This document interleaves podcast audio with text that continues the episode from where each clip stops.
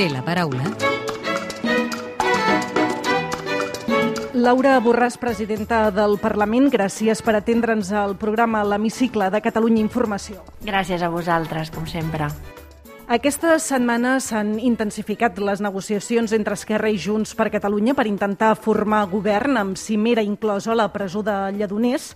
Veu prou madures les negociacions per obrir la pròxima setmana una ronda de consultes i convocar un nou ple d'investidura? Bé, de moment encara no he tingut trasllat dels partits eh, conforme ja les negociacions estan en un punt que em permetria obrir una ronda de consultes i per tant eh, voldré ser sense generar expectatives que després eh, hagin de, de, de naufragar quan obri la ronda de consultes haurà de ser una cosa necessàriament molt breu i mm, preceptiva per poder convocar un ple d'investidura que ja sigui, ja sigui exitós. D'aquí menys d'un mes, el 26 de maig, expira el termini legal perquè hi hagi investidura si no hi ha acord acord aniríem automàticament a unes noves eleccions. Veu aquest escenari del tot descartat? Jo crec que els partits en això han volgut ser clars i han volgut eh, apartar aquest fantasma de les eleccions. És evident que s'ha volgut prioritzar el fet de que es pugui arribar a un acord que sigui sòlid i per tant que això es faci amb temps i com que segurament a casa nostra no estem molt avasats als acords o als governs de coalició doncs sembla que, que, que costa d'entendre doncs, aquest, eh, aquest temps de, de negociació que és necessari per tirar endavant però en altres països els tempos que es prenen els governs quan han de ser de coalició perquè la coalició sigui exitosa ja està en aquesta lògica. Per tant, jo crec que no serà necessari, com han dit els partits, arribar a les eleccions. Doncs si no preveu eh, que hi hagi un escenari de noves eleccions vol dir que confia que Esquerra i Junts per Catalunya arribaran a, un acord. Després de tantes desconfiances mútues, es pot segellar un acord sòlid que garanteixi un govern per quatre anys?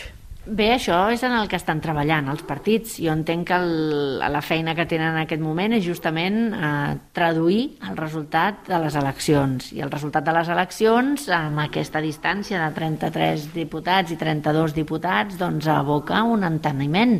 Això és el que estan intentant els partits, que tot allò que ha passat abans no sigui un obstacle per tot allò que hagi de passar en endavant i es pugui eh, assumir tot el que vindrà amb la màxima força fortalesa i amb la màxima solidesa.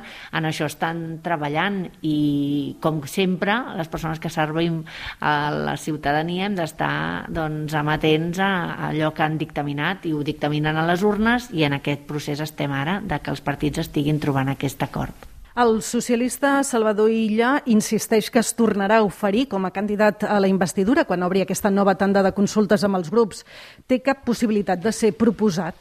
Bé, això ja ho vaig dir en el seu moment i en la ronda inicial de consultes. Jo havia d'esperar a conèixer tot de primera mà, tot allò que em diguessin els portaveus, però és evident que després d'haver eh, haver-me reunit amb tots els portaveus independentistes em van fer avinent que hi hauria una majoria de vots en contra d'aquesta candidatura. Per tant, és obvi que matemàticament eh, no és viable qui, qui té una majoria de vots eh, en contra i per tant aquesta és la situació de, de del candidat al PSC. Aquesta legislatura estarà molt marcada per la gestió de la pandèmia de la Covid i la gestió de la postpandèmia.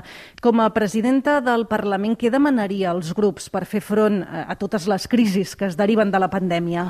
Doncs bé, com a presidenta del Parlament he convocat aquí en audiència els principals sectors, eh, els representants dels sectors sanitaris, tant els representants dels col·legis de metges, d'infermeres com de farmacèutics, com tots els investigadors, centres de recerca i tots els, els nostres científics que han estat decisius també en aquest temps de pandèmia. Per tant, escoltant-los a ells, el que ens reclamen, i això és el que hem d'oferir eh, des d'un punt de vista polític, tant des del legislatiu com des de l'executiu, és aprendre del que ha passat passat. Aquesta setmana el Parlament ha votat el relleu del diputat de Junts per Catalunya, Jaume Alonso Cuevillas, com a secretari segon de la mesa.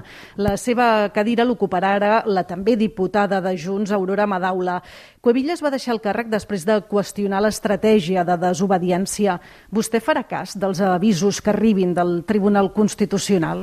El que ell feia és una reflexió sobre el que considerava que val o no val la pena de fer o de deixar de fer en funció de la reacció i, per tant, de la situació de, de pressió i de repressió en la qual ens manté l'estat espanyol. Um, sí que la, la mesa és, el punt, és en el punt de mira de, de totes aquestes actuacions de, de la justícia espanyola que el que pretén és coartar la llibertat de moviments. I per tant del que es tracta és de recuperar aquesta sensació de, de que el Parlament ha de ser sobirà i no s'ha de deixar eh, doncs, eh, veure afectat per les voluntats d'ingerències que tingui el, el, el poder judicial. I per tant és en aquest sentit que afrontem aquest relleu però no hi ha cap qüestionament de cap estratègia. Eh, va fer una sèrie de comentaris però en qualsevol cas mm, no, no, no és aquesta la raó de fons ni molt menys a les persones que són a la mesa s'han de poder eh, comportar amb la màxima llibertat possible tenint en compte les condicions prèvies, que no són de llibertat. I això és el que hem de qüestionar, i això és el que hem de denunciar, i això és el que fem. Alhora hem de poder fer la nostra feina amb independència de les ingerències del poder judicial. Vostè diu, doncs, que no acceptaran cap tipus d'ingerència eh, contra la sobirania del Parlament. Això vol dir que està disposada a assumir totes les conseqüències, tots els riscos que això comporti? Això vol dir que fer política i estar en la primera línia com ho estem eh, comporta riscos i hi som perquè els assumim.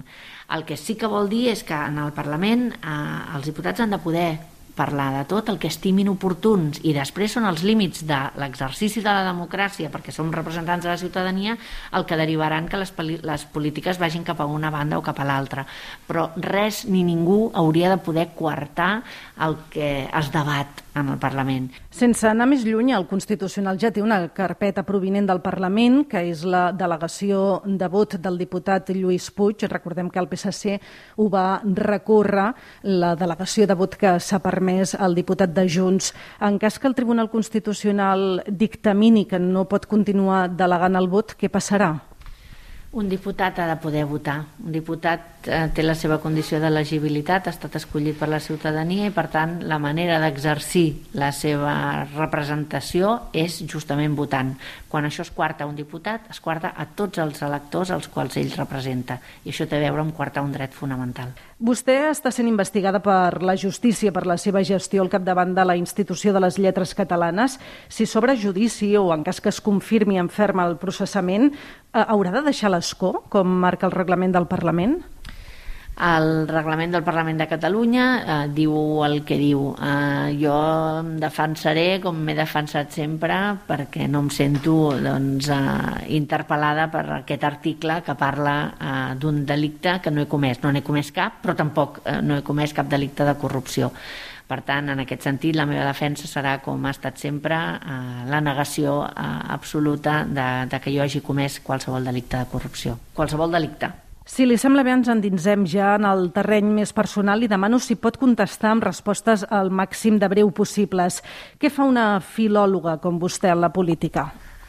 És una bona pregunta. Treballar pel país, eh, mirar de servir-lo de la manera més honesta, més noble i més digna. És cert que va fer la tesi doctoral sobre la bogeria a l'edat mitjana? És cert.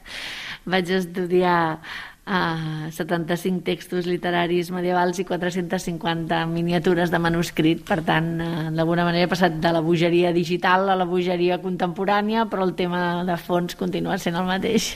M'han dit que vostè és molt exigent. Això és una virtut o és un defecte? A veure, és veritat que sóc molt exigent, um, sóc exigent amb mi mateixa i llavors també sóc exigent amb les persones que, que m'envolten, però jo vull veure-ho com una virtut. Suposo que en algun moment també pot ser un defecte. Què li diu el nom de Marta? Mira, Marta és el nom de la meva filla, per tant, és la vida, la vida que jo he portat a dins, la vida que jo he ajudat a néixer, la vida que intento ajudar a créixer, i la vida que per poc se m'emporta la meva, però per tant és vida, és la meva vida. Recorda que volia ser de petita? Doncs de petita volia ser professora. En realitat he volgut sempre ser professora. Ja posava les nines així, jo aprofitava i, feia, feia, feia xerrades. Suposo que és, forma part d'aquells somnis eh, que, que, que va, pràcticament ja has anat eh, duent a terme al llarg de la vida, perquè també mentre estudiava també acabava fent classes a companys o per altres eh, cursos i finalment he estat professora a la universitat. M'agrada llegir i m'agrada explicar el que he llegit i per tant és un privilegi poder-se dedicar a una professió que s'estima. És puntual? Intento ser-ho. De vegades la meva vida actual no m'ho permet, però intento ser-ho. I ja per acabar, completi la frase el que més m'agradaria del món és... El que més m'agradaria del món és fer una contribució decisiva a que el nostre país pugui ser plenament lliure i, per tant, treballar per aconseguir i veure eh, la independència de Catalunya. Laura Borràs, presidenta del Parlament, gràcies per atendre'ns a l'hemicicle de Catalunya Informació. Gràcies a vosaltres.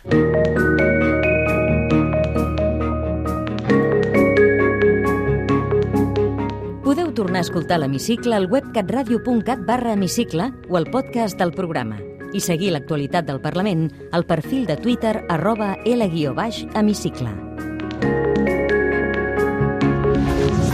Thank you.